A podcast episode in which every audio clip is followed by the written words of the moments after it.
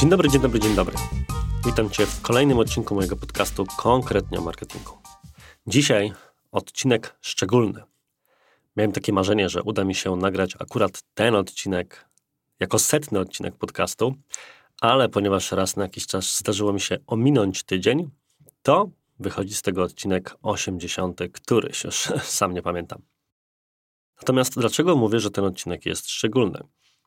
Ponieważ w chwili, gdy go nagrywam, a jest czwartek, ukaże się on albo tuż przed, albo tuż po piątych urodzinach mojej firmy, agencji Digitalk i mojej biznesowej samodzielnej działalności.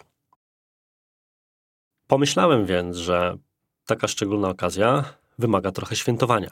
Swoją drogą, konferencja, konkretnie o marketingu i sprzedaży, która swoją nazwę wzięła właśnie od podcastu, a odbędzie się 22 kwietnia, jest dla mnie, dla mojego zespołu trochę właśnie też okazją do spotkania, świętowania i podzielenia się wiedzą właśnie z okazji piątych urodzin firmy. Zostało jeszcze kilkanaście biletów i swoją drogą zachęcam Cię do tego, żeby wziąć udział w tej konferencji, a jeżeli nie możesz przyjechać, to pamiętaj, że wprowadziliśmy też opcję streamingu. Link do strony konferencji znajdziesz oczywiście w opisie tego podcastu. No ale ja nie o tym. Postanowiłem, że na ten specjalny około urodzinowy odcinek podzielę się po prostu kilkunastoma lekcjami, obserwacjami, przemyśleniami tego, czego się nauczyłem na temat prowadzenia firmy. Mam więc nadzieję, że taki nieco inny format też będzie dla Ciebie interesujący. I daj proszę znać. Zawsze jestem otwarty na feedback dotyczący tego, co podoba się słuchaczom. Chcę, żeby ten podcast się rozwijał. Nie przedłużając więc wstępu, zaczynajmy po czołówce.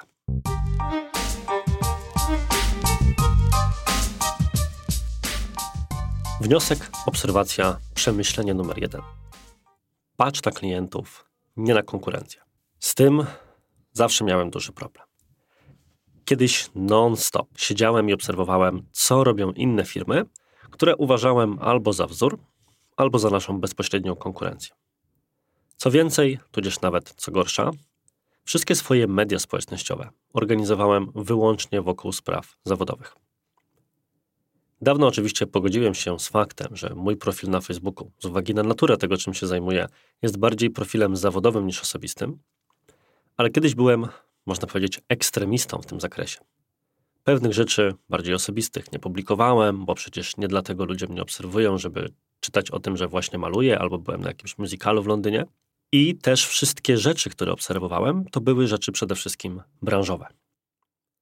I to prowadziło do bardzo niezdrowych zachowań, w sensie nie miałem wentylu bezpieczeństwa. Kończąc pracę w rozumieniu, przerywając na jakiś czas wykonywanie zadań, wchodziłem sobie na social media, no bo cóż innego można robić w wolnym czasie, prawda? A tam czekało mnie jeszcze więcej treści od moich kolegów bądź konkurentów z branży. I prowadziło to do takiego niezdrowego obserwowania, że kurczę, oni dalej pracują, oni dalej coś robią, a ja w tej chwili nie robię, odpoczywam. To robiło takie niezdrowe wyrzuty sumienia. Więc albo się denerwowałem, że nad czymś pracują, a ja teraz odpoczywam, więc to ja robię coś nie tak, albo denerwowałem się czymś innym. Na przykład tym, że o, konkurencja odpaliła działanie takie, a nie inne, które ja planowałem i wisi w mojej asanie od kilku miesięcy, ale z jakiegoś powodu nie udało nam się jeszcze do tego siąść. Więc co teraz, co teraz? Kiedy odpalimy taką usługę albo takie wydarzenie, to będą inni mówili, że kogoś kopiujemy. I wszystko to strasznie mi się działo na głowie, aż pewnego pięknego dnia stwierdziłem, dosyć tego. Czy to jest naprawdę ważne? Dlaczego ja się w ogóle przejmuję takimi rzeczami? Bo to prowadziło do jeszcze trzeciego niezdrowego zachowania, takiego, z którym często walczę u swoich klientów, czyli przekonania, że nie możemy stworzyć treści na pewien podstawowy temat, bo przecież konkurencja nas wyśmieje. Nie możemy o tym napisać, bo przecież konkurencja już o tym napisała. I wówczas mówię ludziom, to co, chcesz, żeby poszli przeczytać o tym albo dowiedzieć się o tym od twojej konkurencji i już tam zostali? Czy wolisz, żeby zostali z tobą? Nagle się okazuje, że kiedy tak się postawi sprawę, to klienci mówią, no nie chcę, żeby zostali u mnie. I drugie pytanie, czy wolisz, żebyś miał dobrą opinię wśród konkurencji, czy wśród swoich klientów? Na czyim zdaniu zależy ci bardziej?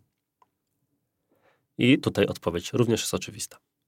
I kiedy w końcu do tego dojrzałem, czy to zrozumiałem, to stwierdziłem dosyć tego. I szczerze mogę Ci powiedzieć, że praktycznie nie śledzę już nikogo poza kilkoma osobami z branży, z którymi mam po prostu osobistą relację, spośród naszej bezpośredniej konkurencji. To mój własny zespół czasami coś mi podsyła, typu, o zobaczcie, ci zrobili coś fajnego albo ci. Przestałem się tym przejmować. Zamiast tego bardzo mocno skupiam się na tym, jak na pewne rzeczy reagują nasi klienci, w jakich miejscach oni są, co oni publikują, co jest dla nich ważne, na jakie ich pytania mogę odpowiedzieć i co im mogę zaoferować. Stąd ukułem sobie właśnie to w taką frazę: patrz na klientów, nie na konkurencję, i wtedy będzie dobrze. A po godzinach wolę jednak popisać sobie i poczytać o musicalach, o fotografii, o innych swoich pasjach. I myślę, że to zarówno pod kątem biznesowym, jak i pod kątem zdrowia psychicznego, jakże zaniedbanej części życia każdego przedsiębiorcy, prawda, o której mało się mówi, jest to zwyczajnie ważne. Lekcja numer dwa. Jak to ładnie po angielsku mówią, delegate or die. Deleguj albo zgiń. Teoretycznie wszyscy wiedzą, że powinno się delegować i że właściciel biznesu musi jak najszybciej nauczyć się delegować zadania. Tylko, że niewiele się mówi o tym, że czasami może nam się wydawać, że umiemy delegować odpowiedzialność i zadania. Jest bowiem tak, że mi na przykład dość łatwo przyszło na etapie rozwoju firmy oddawanie bardzo dużych obszarów odpowiedzialności innym osobom. Tylko, że Zdarzało się to w momencie, w którym byłem już pod ścianą. Po prostu fizycznie nie dawałem rady. Pracowałem kilkanaście godzin dziennie, za dnia na przykład prowadząc konsultacje czy warsztaty, po południu robiąc przegląd projektów i dopinając na przykład umowy sprzedażowe i jeszcze planując kampanię. W końcu więc mój własny organizm i moja własna żona musieli mi powiedzieć, tak dalej być nie może. I wtedy Oczywiście oddałem tę odpowiedzialność i na szczęście nigdy nie miałem takiego typowego problemu patrzenia komuś przez ramię, czyli kryzysów zaufania. Odkąd to zrobiłem, a z czasem oddawałem kolejne obszary, bieżące zarządzanie marketingiem, które jest teraz u Marka, Gwoździa i Patrycji, których pozdrawiam, nawet zarządzanie już poszczególnymi zespołami i wreszcie zespołem menedżerskim, tutaj wielkie pozdrowienia dla Agaty, czy właśnie zarządzanie sprzedażą, to nagle się okazało, że stwierdziłem sobie sam, no dobrze, no to ja umiem delegować, nie mam z tym problemu. Tylko czy na pewno? Bo jednak są takie rzeczy, do których intuicyjnie się zagląda, procesy, nad którymi próbuje się dalej sprawować kontrolę, i przez to też w firmie może panować taka atmosfera, że po pewne decyzje i z pewnymi rzeczami jednak trzeba przyjść do szefa. I zorientowałem się, jak to wygląda w mojej własnej głowie, kiedy zatrudniliśmy na początku stycznia Martę do działu HR, którą oczywiście też pozdrawiam. I bardzo długo proces rekrutacyjny dalej był u mnie.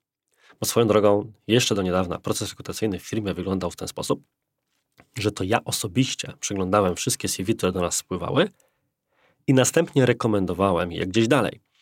Do weryfikacji merytorycznej, takiej culture fit przez poszczególnych menadżerów i szefową menadżerów, którą jest Agata. I potem ta osoba ewentualnie wracała jeszcze na tak zwany final check, ostatnią rozmowę już bezpośrednio ze mną. Po czym zatrudniliśmy osobę od HR-u, która między innymi w tym miała mnie i menadżerów odciążyć, a dalej sam przeglądałem te cv -ki. I tak sobie mówiłem, że przecież no, Marta dopiero się wdraża i pewnie nie zrobi tego tak jak ja, bo nie wie na co zwracaliśmy uwagę w CV-kach. I trochę nie dawałem jej się w tym zakresie wykazać, w sensie podejmowałem tę decyzję we własnej głowie za nią, nie rozmawiając o niej z tym. I dopiero musiała mi to uświadomić Agata, której gorąco z tego miejsca dziękuję. I nagle okazało się, że Marta sobie z tym doskonale radzi. Ba i wszyscy wyłączyli mnie z tego procesu i funkcjonuje on obecnie poza mną. Więc to oznacza, że na lekcja numer dwa brzmi, nawet jeżeli myślisz, że nie masz już problemu z delegowaniem, to pewnie jeszcze dalej go masz.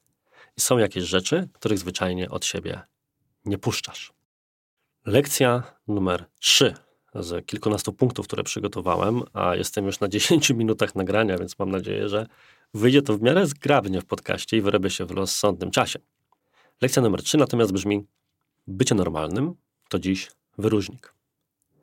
Powiem szczerze, że mam alergię na pewien styl komunikacji reprezentowany przez kilka firm w branży. Jest to takie krzyczenie, że jesteśmy najlepsi, jesteśmy liderami, a inni są beznadziejni. Nie widzę nic złego oczywiście w byciu pewnym własnej wartości i komunikowaniu jesteśmy dobrzy w tym, co robimy. Natomiast bardzo nie lubię, kiedy komunikacja idzie w pewien agresywny sznyt, typu my jesteśmy ci fantastyczni, a cała reszta jest nic nie warta. Uważam, że to długofalowo zła strategia, taka oparta o właśnie negatywne emocje i cały czas uderzanie w kogoś innego, ale niektórzy po prostu przyjmują taki styl działania. Jeszcze inni z kolei idą w jakiś taki bardzo śmieszkowy styl komunikacji, który niekoniecznie musi pasować każdemu w biznesie. I to jest wątek komunikacyjny. Natomiast jest jeszcze wątek czysto zarządczy. Powiem szczerze, że ilość patologicznych historii, które usłyszałem na rozmowach kwalifikacyjnych na temat tego, jak traktuje się ludzi w innych organizacjach,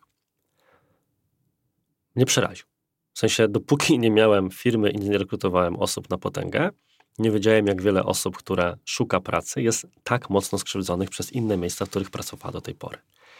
I to mnie prowadzi do takiego wniosku i lekcji numer trzy, że bycie normalnym to dziś wyróżnik. Normalnym w pełnym pozytywnym tego słowa znaczeniu, po prostu zwyczajnie dobrym. E, ci, którzy śledzą mnie gdzieś w internecie, to wiedzą, że moimi ulubionymi postaciami to na przykład jest Kapitan Ameryka z Marvel Cinematic Universe, czy na przykład Newt Scamander z Fantastycznych Zwierząt z uniwersum Harry'ego Pottera. Bo to są po prostu postacie, których wyróżnikiem jest to, że są dobre. Chyba nikomu nie zaspoileruję, jeżeli powiem, że jak się kończą pierwsze fantastyczne zwierzęta i jak je znaleźć, to zamiast takiej zwykłej bitwy z potworem jest tak naprawdę próba uratowania go. I to, że się to nie udaje, to w zasadzie dla głównego bohatera jest forma porażki. Jakie to piękne odwrócenie archetypu ecznej historii, która zwyczajowo polega na tym, że potwora należy pokonać i wszyscy się z tego cieszą. I zawsze miałem takie założenie, że po pierwsze nie szkodzić i być dobrym dla ludzi. Jeżeli ja będę dla kogoś dobrym i normalnym, to będę tak samo przez niego traktowany. I przekładam to trochę również na komunikację marketingową swoją i mojej firmy. Na zasadzie to my jesteśmy ci normalni. I póki co daje to dobre efekty. Przyciągamy, myślę, takie osoby od strony rekrutacyjnej i takich klientów, z którymi przyjemnie się pracuje. I bardzo mnie to cieszy. I w zasadzie, jeżeli szukasz dla siebie, dla swojego biznesu jakiegoś wyróżnika, to może nie musisz na siłę szukać czegoś, co będzie faktycznie inne od strony komunikacyjnej, kontrowersyjne, przyciągające uwagę, tylko możesz po prostu być sobą, być normalnym, i to też jest ok strategia. Takie, mam trochę wrażenie, że dość chaotycznie wyszedł mi ten punkt, ale mam nadzieję, że rozumiesz, co chcę przez to powiedzieć. Po prostu bycie ok jest ok. Bycie normalnym, takim jakim się jest, to na koniec dnia najlepsza strategia, a bycie ofensywnym, agresywnym, dziwnym, myślę, że krótkoterminowa. I to się trochę wiąże z moim punktem numer cztery jeżeli nie wiesz, co powiedzieć, powiedz prawdę. W kilku pracach, miejscach pracy, w których miałem okazję e, być w swojej zawodowej historii, za każdym razem, kiedy pojawiał się jakiś problem, czy to problem z klientem, czy to problem wewnątrz zespołu, to pierwsze, czym zajmował się zespół menedżerski, to było, jak to teraz tutaj pokazać, żeby dobrze wypaść, żeby nie rodzić problemów, żeby może za dużo nie powiedzieć. I to była taka strasznie męcząca polityka wewnętrzna. Podobnie, jeżeli coś nie szło na przykład we współpracy z klientem, ktoś coś po prostu zepsuł i popełnił błąd. Błędy się zdarzają. To pierwszym pytaniem zawsze było, co tu zrobić, żeby klient nie miał świadomości, że popełniliśmy błąd. A ja jestem takim człowiekiem, który od zawsze mówi, że ja nie umiem kłamać, więc po prostu nie kłamię, bo jakbym tak miał pamiętać, co komu kiedyś powiedziałem, żeby się tego trzymać, to bym się bardzo szybko pogubił i wyszedłbym na tym jeszcze gorzej. I staram się tak samo, takie same myślenie zaszczepiać u siebie w firmie, że uważam, że lepiej jest się przyznać do błędu, bo wtedy ktoś po drugiej stronie, po pierwsze, może zareagować tak, jak chce w takiej sytuacji zareagować, ma pełen obraz sytuacji i to jest jego pełne prawo, żeby się zdenerwować, zrobić coś i tak dalej. Ale po drugie, najczęstsza reakcja jest taka, że ten ktoś to po prostu docenia. Wiele razy mieliśmy takie sytuacje, no bo ten się nie myli, co nic nie robi, gdzie popełnialiśmy jakieś błędy i przyznawaliśmy się na przykład. Szukaliśmy sposobu oczywiście, jak ten błąd naprawić, jak go zrekompensować, ale przede wszystkim mówiliśmy, tak, to jest na przykład nasza wina. I to nam wychodziło na dobre, bo klient mówił, wow, nie szukacie na siłę usprawiedliwienia. Nie zwalacie tego na algorytm Google'a, który się zmienił, algorytm Facebooka, który się zmienił, tylko mówicie na przykład, że tutaj nie dowieźliście. I to jest ok. To paradoksalnie budowało większe zaufanie do nas. I to samo przekładam również na własny zespół. Czyli w sytuacji, w której był koronawirus, inflacja, pandemia, polski ład, różne zmiany, zawsze staram się przyjść do swojego zespołu i powiedzieć: Słuchajcie, sytuacja jest taka. Zrobimy to i to, liczymy, że wyjdzie tak i tak. Jeżeli nie wyjdzie plan, mamy taki i taki, co wy na to? Porozmawiajmy o tym. Uważam, że szczerość długoterminowo jest najlepszą strategią. Szczerość i normalność. Punkt numer 5. Książki o zarządzaniu i o wychowywaniu dzieci można by czytać naprzemiennie. Mam zaraz już dwuletniego, kochanego chłopca brzydąca, mojego syna Vincenta w domu.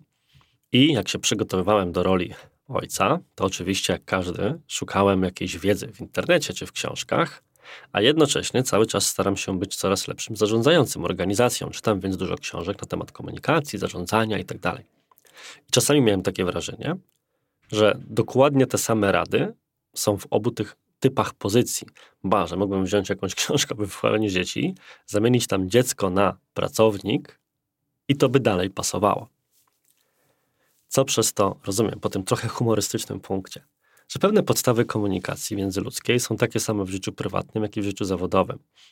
Więc czasami warto się zastanowić, czy przykładamy równie dużą uwagę, uważność, ostrożność, szacunek do czyjejś emocji w sytuacji, w której rozmawiamy z kimś na niwie zawodowej, kontra kiedy rozmawiamy z kimś dla nas po prostu bliskim. Bo rozmawiając z różnymi osobami ze swojego zespołu, z różnymi e, firmami, z którymi pracujemy, osobami, które spotykam na kursach czy szkoleniach, widzę, że bardzo często ludzie w pracy traktują się jak roboty do wykonywania zadań. I bardzo łatwo jest wpaść w taki silosowy tryb myślenia, my i oni, zakładać, że ktoś chce źle i tak dalej. Podczas gdy wystarczyłoby odrobinę bardziej empatycznego, ludzkiego, wracając do poprzednich punktów, normalnego i szczerego podejścia, wysłuchania drugiej strony i tak dalej. Czyli wdrożenia takich postaw dobrej komunikacji, podobnej jak przy wychowywaniu dzieci. I to wszystko by funkcjonowało o dużo, na dużo wyższym poziomie. Punkt numer 6. Ten się nie myli, co nic nie robi. Pamiętam, jak dopiero budowałem swoją skromną organizację. Mieliśmy na pokładzie kilku pierwszych klientów, to żyłem w nieustannej panice, co się stanie, kiedy pierwszy klient od nas odejdzie i to, co gorsza, z naszej winy. To mnie wręcz paraliżowało. Pamiętam. I pamiętam te olbrzymie emocje towarzyszące temu, gdy faktycznie pierwsza umowa współpracy z Digidog została wypowiedziana, bo kampania nie osiągnęła zakładanych wyników. I mniejsza o to, gdzie leżała prawda, czy to powiedzmy, czy to my nie dowieźliśmy, czy były jakieś inne okoliczności, które na to wpłynęły, prawda przeważnie gdzieś po środku. Natomiast to, co jest istotne, to żeby zdawać sobie sprawę, że jakkolwiek brutalnie by to nie zabrzmiało, coś takiego jest normalne. Ważne, żeby być w stanie sobie wtedy powiedzieć, że zrobiliśmy wszystko, co było w naszej mocy i żeby z podobnym komunikatem iść do zespołu. Nie ma bowiem gorszego hmm, zabijacza kreatywności, odwagi, zaangażowania niż permanentny strach przed popełnieniem błędu i konsekwencjami z tego wynikającymi. Pamiętam taką rozmowę z jednym z pracownikiem dwa, trzy lata temu, gdzie spotkaliśmy się, a czasami staram się spotykać ze swoimi członkami zespołu, choć pracujemy na co dzień zdalnie, na żywo. Zabrałem e, dwóch pracowników na obiad. Akurat byłem w Poznaniu jeden z nich mówi mi coś takiego, że no ostatnio straciliśmy dwóch klientów. Ja mówię, no tak, straciliśmy. A jeden projekt musieliście mi zabrać, wrzuciliśmy tam innego specjalistę i teraz ten projekt idzie dobrze. Mówię, no tak, tak zrobiliśmy. I ten projekt rzeczywiście, ten, ten projekt już teraz idzie dobrze. I tak słucham, co się zadzieje, domyślam się, co się zaraz zadzieje i słyszę, więc to moja wina. I mówię, jak to? Powiedz. I słyszę wypowiedź człowieka, który czuje głęboką odpowiedzialność za swoją pracę, jest zły, że coś nie wyszło, a chciałby, że to wyszło. I muszę w tym momencie z nim porozmawiać o wszystkich tych projektach, które mu idą, w opozycji do tych, które nie poszły. I postarać się wysłuchać i wczuć właśnie w taką sytuację. I wtedy właśnie zadałem takie pytanie, które od tej pory zadaję zawsze w takich sytuacjach. Czy zrobiłeś wszystko, najlepiej jak potrafiłeś, żeby ten projekt się udał? Tak, tak zrobiłem usłyszałem odpowiedzi. I mówię, w takim razie ja się bardzo cieszę i jakkolwiek brutalne by to nie było, life goes on. Próbujemy dalej. Co to oznacza? To oznacza, że niestety ten się nie myli, co nic nie robi. Przy większej skali, przy większej liczbie nawiązywanych współprac, nawet z najlepszymi intencjami, pojawiają się projekty, które nie wyjdą. Bardzo często jest to niesamowicie, czasami niesprawiedliwe, czasami sprawiedliwe, że tak się, że współprace się kończą, ale trzeba się nastawić, że tak niestety będzie. I łatwo jest jako właściciel biznesu nigdy coś takiego nie usłyszeć. W sensie nie usłyszeć, że innym też coś nie wychodzi. Przeważnie na jakikolwiek biznes nie będziemy patrzyli, to wszyscy mówią, że jest fantastycznie. A mało ludzi staje uczciwie i mówi: Mi też nie wyszło. To mi się nie udało, tamto się nie udało, ten projekt idzie źle. Czy to jest taki efekt Instagrama, gdzie wszyscy są wiecznie piękni, młodzi, wyspani, zadowoleni z życia, a każde dziecko jest uśmiechnięte i nigdy nie krzyczy. Każdy młody rodzic wie, jaka jest prawda, natomiast te dzieci z Instagrama zawsze wydają się bardziej grzeczniejsze. I chyba tak samo jest z firmami, że te firmy z Facebooka, zwłaszcza z LinkedIna, zawsze są lepiej prowadzone, lepiej zarządzane i mają same udane projekty. Nie mam oporów przed tym, żeby powiedzieć, że niektóre projekty, które próbujemy realizować w ramach Digitalk, się nie udają. Zarówno projekty wewnętrzne, jak i współpraca z klientami. Czasami po prostu nie ma dopasowania rynkowego produktu. Czasami to my nie wiemy, być może nie umiemy, być może też czasami to po prostu zbyt szybko kończy się pewna współpraca, coś się nie udaje. Ale ważne jest, żeby na koniec dnia być w stanie spojrzeć, ile tego jest, jak duży jest stosunek. Dopóki ten stosunek jest taki, że jesteśmy w stanie mieć kilkanaście, kilkadziesiąt udanych realizacji do nieudanych, to mimo wszystko można wierzyć, że coś robimy dobrze i nie należy od razu negować własnych umiejętności, tylko na podstawie tych kilku rzeczy, które nam i naszemu zespołowi nie idą. Punkt numer 7. Kryzys to coś permanentnego. Jesteś w stanie kupić sobie spokój maksimum na 3 miesiące. Pod koniec 2021 roku, na przełomie października i listopada, jako firma mieliśmy, myślę, najgorszy okres w historii i to nawet uwzględniając koronawirusa. Jednocześnie naszą załogę opuściło kilka osób z powodów różnych. Część osobistych, część po prostu przeszła do innych prac, częścią rozstaliśmy się z naszej decyzji. Jednocześnie było to powiązane z rozpoczęciem współpracy z wieloma nowymi projektami, taką ponadstandardową liczbą, bo przeważnie staramy się wprowadzać określoną liczbę projektów, jednocześnie tym razem wyszło to inaczej. I jednocześnie w tle rozgrywały się różne wynikające z błyskawicznego wzrostu zmiany w zakresie organizacyjnym, od strony procesów, procedur, zarządzania, zmian na kierowniczych stanowiskach, wprowadzenie nowych stanowisk zarządczych, szczebli itd. Tak I to był okres straszny. W takich chwilach spotykaliśmy się w niemalże minorowych nastrojach codziennie w zespole hmm, menedżerskim i łatwo było wpaść w takie myślenie, że wszystko jest nie tak. W takich chwilach zawsze staram się wyjść do zespołu i powiedzieć: Słuchajcie, jesteśmy na wysokim poziomie, chcemy być na jeszcze wyższym, więc nie pozwólmy, żeby minusy przysłoniły nam plusy. Natomiast oczywiście sam również miałem myśli typu, kurczę, wszystko jest nie tak, w ogóle po co mi ta firma, ciągle się denerwuję różnymi rzeczami, nic nie idzie, czemu nie może być takiego świętego spokoju? I wówczas człowiek sobie tak mówi, dobra, okej, okay, jak już zakasam rękawy i wezmę się do roboty, poprawię to, to, to i to i wreszcie, wreszcie wszystko będzie dobrze. Od tej pory będzie mi się działało w porządku. Tylko, że to jest pewna uda, bo to mija kilka miesięcy i znów pojawiają się jakieś problemy wynikające z kolejnej fazy wzrostu, z kolejnych zmian, z tego, że zatrudniliśmy kilkanaście osób w styczniu, co kiedyś było jeszcze dwa lata temu było, cała firma miała tyle osób i, i w ogóle dzieją, dzieją się rzeczy. Generalnie rzeczy się dzieją, jak to, jak to mówią w internecie. Tylko, że teraz moja reakcja jest już zupełnie inna. W sensie ja już taki cykl pojawienia się e, burzy i naporu, że tak powiem, przechodziłem kilka razy i w jednej z lektur znalazłem właśnie takie piękne zdanie, że naprawienie bieżących problemów organizacyjnych nie sprawia, że organizacja ich już mieć nie będzie, tylko kupuje ci trzy miesiące względnego spokoju. A po tych trzech miesiącach naturalną rzeczą w organizacji, która się rozwija, jest pojawienie się nowych problemów i nowych wyzwań, które trzeba zaadresować. Co to oznacza? To oznacza, że trzeba i sobie, i swojemu zespołowi menedżerskiemu, swoim współpracownikom, całemu zespołowi tak naprawdę, nieustannie przypominać, że prowadzenie biznesu czy działanie tego typu to jest życie, nie chcę powiedzieć, że w kryzysie, bo kryzys jest słowem takim daleko idącym, ale jest to nieustanne zajmowanie się problemami i wyzwaniami. Nie jest tak, że załatwimy obecną listę zadań i nie pojawią się na niej nowe. Zawsze mówię, że taski są jak hydra. Zrobisz jeden, na jego miejsce wyrastają trzy kolejne. I tak samo jest ze wszystkimi wyzwaniami, które w codziennym funkcjonowaniu biznesu trzeba zrobić.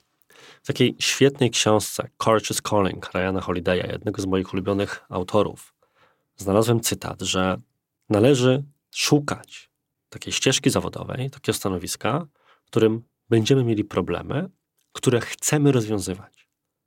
Bo nigdy nie będzie tak, że problemów nie będzie, albo że uda się je zakończyć i nowe się nie pojawią. Ważne jest, żeby być w takim miejscu, w którym są problemy, które chce nam się rozwiązywać. Więc należy się nastawić na to, że wyzwania będą zawsze.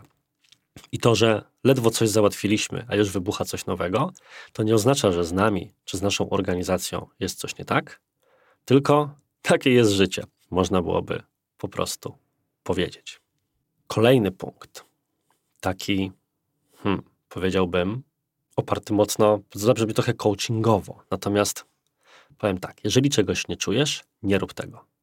Głęboko wierzę w coś, co anglosasi nazywają ładnie gut feeling, takie czucie w trzewiach i taką czystą, visceralną reakcję, że coś jest dobre albo niedobre.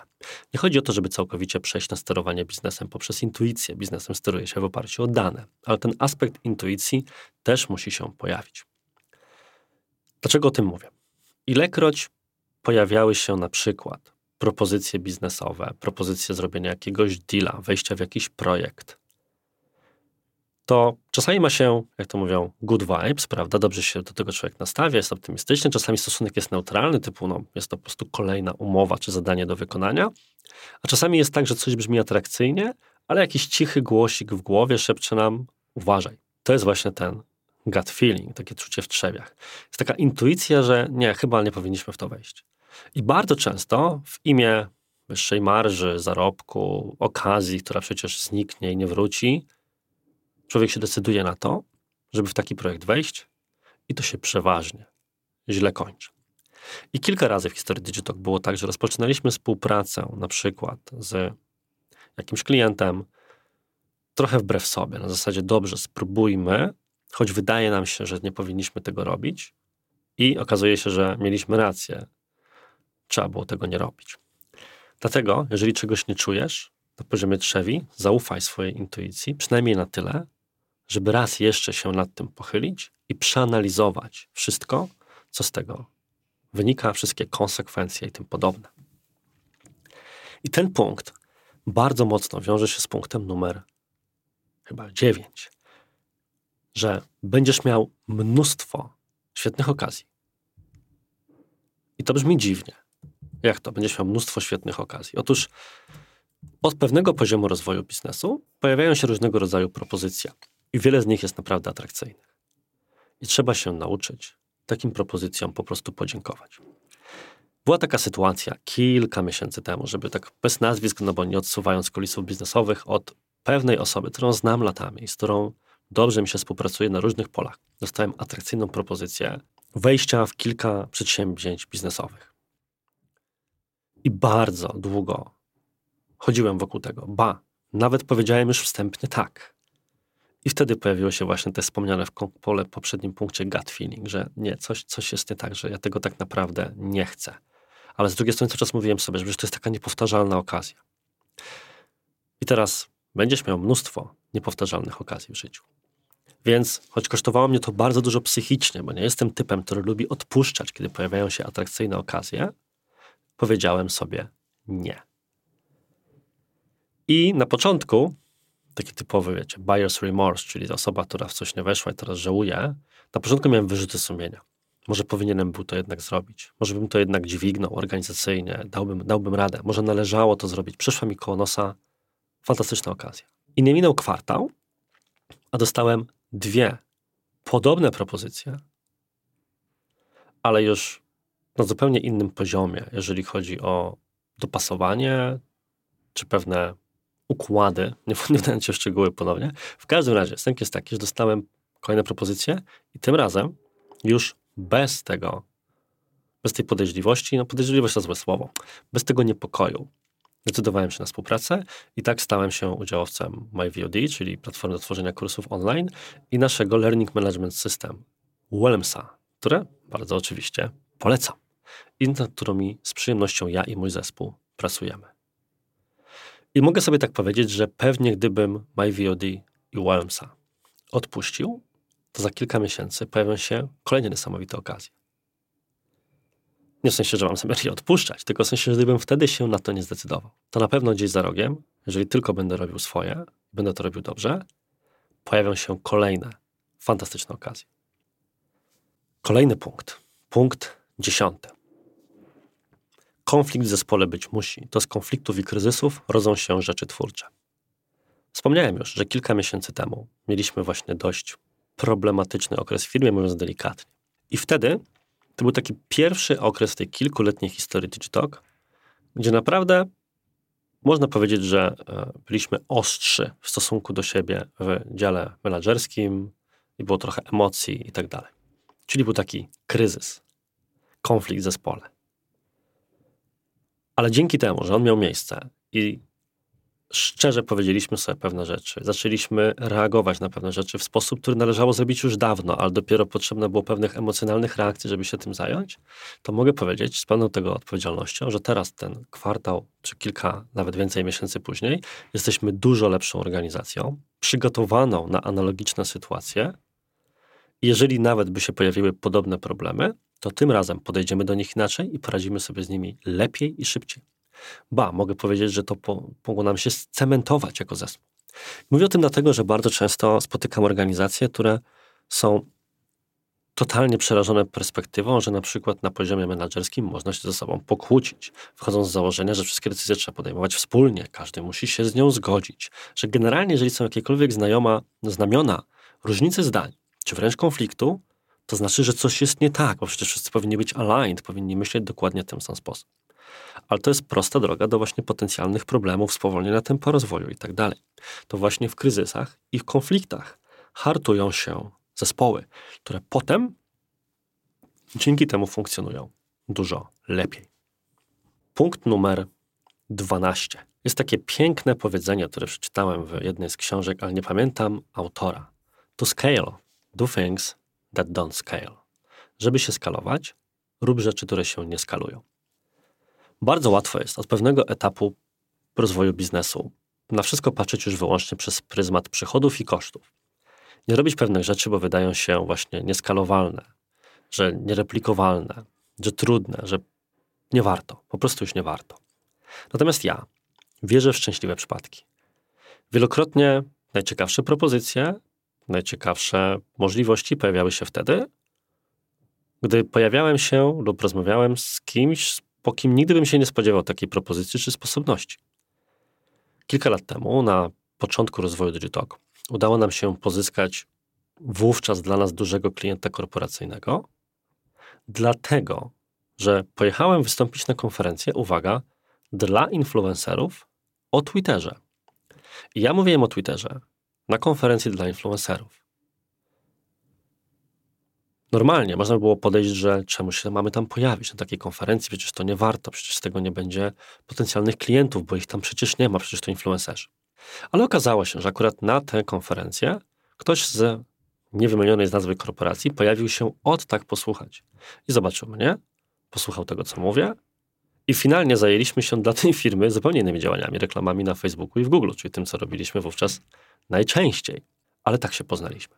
I w takie szczęśliwe przypadki wierzę. I te, tylko, że takim szczęśliwym przypadkom trzeba dać szansę zaistnieć. A żeby mogły zaistnieć, to trzeba robić rzeczy, które się nie skalują. Wystawiać się na możliwość zaistnienia takich szczęśliwych przypadków. Kolejny punkt. Wiedzieć i nie robić to nie wiedzieć. Powiedzenie bodajże Stevena Coeya, czyli coś, co przekułbym na pewną inną myśl, że organizacja jest ważniejsza od kreatywności. Przekonałem się kilka razy, że czym innym jest wiedza, a czym innym jest umiejętność wdrożenia tej wiedzy. I przekonałem się zarówno na poziomie ludzkim, zatrudniając pewne osoby, które wydawały się mieć pewną wiedzę, jak i na poziomie, no, na różnych innych poziomach. Generalnie kwestia jest taka, że łatwo jest podejść do biznesu w taki sposób, że akumulowało się pewne informacje i teraz intuicyjnie założyć, że umie się z nich korzystać, albo że osoba, której się taką odpowiedzialność daje, będzie miała z nich skorzystać. Natomiast można mieć świetne pomysły, można mnóstwo rzeczy wiedzieć, ale na koniec dnia liczy się to, czy umiesz tę wiedzę przekuć w praktykę, odpowiednio ułożyć zadania, procesy. I to jest w ogóle to, znaczy, to jest w ogóle powód, dla którego właśnie na tej konferencji, którą organizujemy konkretnie o marketingu i sprzedaży, równie mocno co tematy merytoryczne, czyli jak prowadzić kampanię, jak automatyzować marketing i tak dalej, postawiliśmy na wystąpienia mówiące o procesowości. Na wystąpienia, w których będzie mowa o planowaniu strategicznym, o zarządzaniu zespołem, o rekrutowaniu ekspertów, o układaniu pracy między marketingiem a sprzedażą. Bo wiedzieć i nie robić to nie wiedzieć. Jest dużo wiedzy, dużo elementów, które można korzystać, a trzeba jeszcze to poukładać, a potem to egzekwować. Często na szkoleniach mówię takie zdanie: Nie istnieje kanał marketingowy, o którym nikt ci nie powiedział. Wszystkie te kanały są znane. Nie ma takiego drugiego Google'a albo Facebooka, w którym wszyscy, którzy klikają, to kupują. Kwestia jest po prostu, żeby zaplanować pewne rzeczy, nauczyć się je planować od innych, a potem je po prostu robić. Więc najważniejsza jest egzekucja, a łatwo jest czasami tej egzekucji nieco odpuścić. Kolejny punkt. Rekrutuj po postawie i dawaj szansę. Kiedy rekrutuje się do zespołu, łatwo jest wyjść z takiego założenia, że będę rekrutować najprostsze możliwe wybory, w sensie najlepszych z potencjalnych specjalistów i będę patrzył tylko na umiejętności w CV. Natomiast my w ostatnim, nazwijmy to, rzucie rekrutacyjnym, w sensie wśród osób, które rekrutowaliśmy od stycznia, postawiliśmy na bardzo wiele osób, które, uwaga, miały małe doświadczenie w zajmowaniu się tym, co robimy, na taką skalę, jaką my to robimy. Miały duże doświadczenie na przykład marketingowe, ale nie miały doświadczeń w systemach reklamowych. Natomiast przekonało nas właśnie to, że te osoby wykazywały dużą dojrzałość biznesową, chęć do nauki, gotowość do działania i miały odpowiednią postawę do pracy. I zawsze polityka rekrutacyjna Digitoka brzmiała, nie zatrudniamy dupków. Możesz być najlepszym specjalistą na świecie, ale jeżeli będziesz po prostu burakiem, z którym się ciężko współpracuje i nam, i klientowi, to nie zagrzejesz w tej firmie dużo miejsca. My stawiamy na ludzi pracowitych, przekonanych o własnej wartości, ale skromnych i gotowych do współpracy. Natomiast zawsze jeszcze człowiek intuicyjnie szuka specjalistów, więc sprawdza w tej CVC te punkty, czy sprawdza merytorycznie te elementy, które to robią. I gdybym tylko w ten sposób rekrutował ja i moi menadżerowie, to nie mielibyśmy teraz na pokładzie wielu fantastycznych specjalistów, którzy wiedzę narzędziową są w stanie nabyć bardzo szybko. Natomiast odpowiednie myślenie biznesowe, strategiczne, odpowiednia postawa jest tym, co jest najważniejsze. Więc wielokrotnie od pierwszych rekrutacji Digitoku po dzisiejszej rekrutacji nauczyłem się, że warto dawać szansę rekrutować po, po postawie. Pierwsza osoba, którą kiedykolwiek zatrudniłem, to był 18-latek bez doświadczenia. Był to Jakub, którego gorąco pozdrawiam, jeżeli tego słucha. I pamiętam, że wtedy zachodziłem w głowie, mówię, co ja robię? Dlaczego, choć potrzebuję teraz kogoś sprawdzonego, kto mi pomoże, zatrudniam kogoś, kto nigdy tych rzeczy nie robił. Dużo się uczy, wie i przyswaja, ale nie sprawdził tego w praktyce. Będę miał dużo pracy wokół niego ale stwierdziłem, że dam mu szansę. I świetnie na tym wyszedłem. I cieszę się, że to była moja pierwsza rekrutacja w historii, bo nauczyła mnie, że warto takich ludzi szukać. Jedną z moich absolutnie ulubionych historii u mnie w zespole jest historia Przemka, którego gorąco pozdrawiam, który przyszedł do nas na stanowisko juniorskie, przechodząc z dużej organizacji, gdzie sam zajmował się już zarządzaniem, żeby nie dawać się w szczegóły, bo być może Przemek nie chciałby, żebym je śledził, ale stwierdził, że on chce pracować z nami i nad takimi rzeczami, więc jest gotowy trochę zresetować swoją karierę. I pamiętam, że prowadziłem z nim rozmowę kwalifikacyjną i mówię sobie, wow, co to za niesamowita postawa, co to za motywacja, co to za drive. Ja z takimi ludźmi chcę pracować, bo ktoś taki ma odpowiednią motywację i postawę. A reklam, to on się albo nauczy, albo ja go nauczę, albo inni w zespole go nauczą. Stąd dla mnie, mam nadzieję, że dla ciebie również, postawa i motywacja jest ważniejsza od umiejętności, bo łatwiej nabyć te drugie, niż zmienić te pierwsze.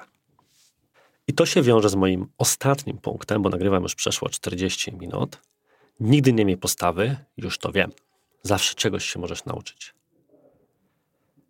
Nie chodzi o to, że uważam, że możesz wpaść w takie przekonanie o własnej wyjątkowości. Nic z tych rzeczy. Natomiast łatwo jest na przykład, patrząc na tematy konferencji, szkoleń, e, rozmowy z zespołem, jakieś informacje z Twojej branży, po pewnym czasie, biorąc pod uwagę, jak wiele takich rzeczy jest i jak wiele tym się zajmujesz na co dzień, wyjść z założenia, a ja już to wszystko wiem. Nie będę w to wchodził, nie będę więcej przyswajał wiedzy, już to opanowałem. Tymczasem okazuje się, że bardzo często nawet z materiałów, rozmów, wystąpień, które wydawałoby się pierwotnie, że nic nowego do nas nie wniosą, możemy wyłuskać coś dla siebie. Mając postawę typu już to wiem, zamykamy przed sobą możliwości rozwoju, bo czasami jest tak, że wystarczy usłyszeć jedno nowe zdanie, albo usłyszeć dziesiąty raz to samo zdanie, które już wiemy, które już znamy, które słyszeliśmy, które już nawet sami sobie powtarzamy, ale po prostu dopiero za tym dziesiątym razem klikną i coś się w naszej własnej postawie albo w naszym własnym działaniu dopiero od tego momentu zmieni. I to jest coś, co, czego też musiałem się sam nauczyć, bo w momencie, w którym zarządzałem już organizacją, prowadziłem już kampanię, jest sukcesami, to wpadałem też w taką postawę typu, dobra, to ja już to wiem, to już nie muszę, bo przecież kto mi tutaj może coś nowego w tym temacie powiedzieć? Szczególnie na przykład osoba, która dopiero zaczyna, a ja przecież już prowadzę biznes kilka lat. I to jest bardzo niebezpieczna droga. Bo zawsze, jeżeli tylko mamy odpowiednią postawę i podejście, jesteśmy w stanie z różnych interakcji, spotkań, materiałów, źródeł wiedzy wyciągnąć coś nowego dla siebie, nawet w tematach, o których już niby dużo wiemy. Bo jak głosi stare powiedzenie, mistrz się znajdzie, kiedy uczeń jest gotowy.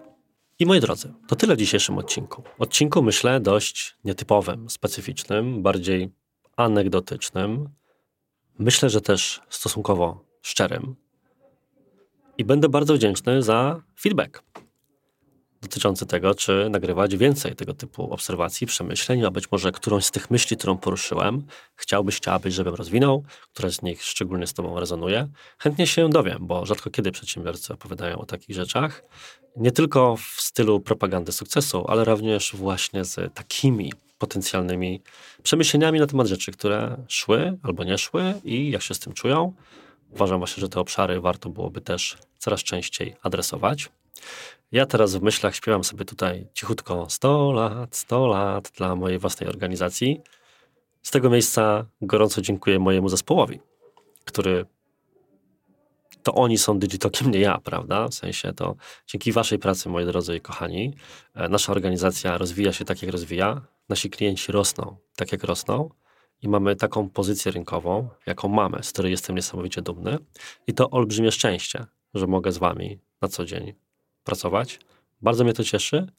I cieszy mnie, że nawiązując do jednego z wcześniejszych punktów, mimo że są problemy, to są to problemy, które chce mi się rozwiązywać, bo wiem, że rozwiązuję je właśnie z Wami.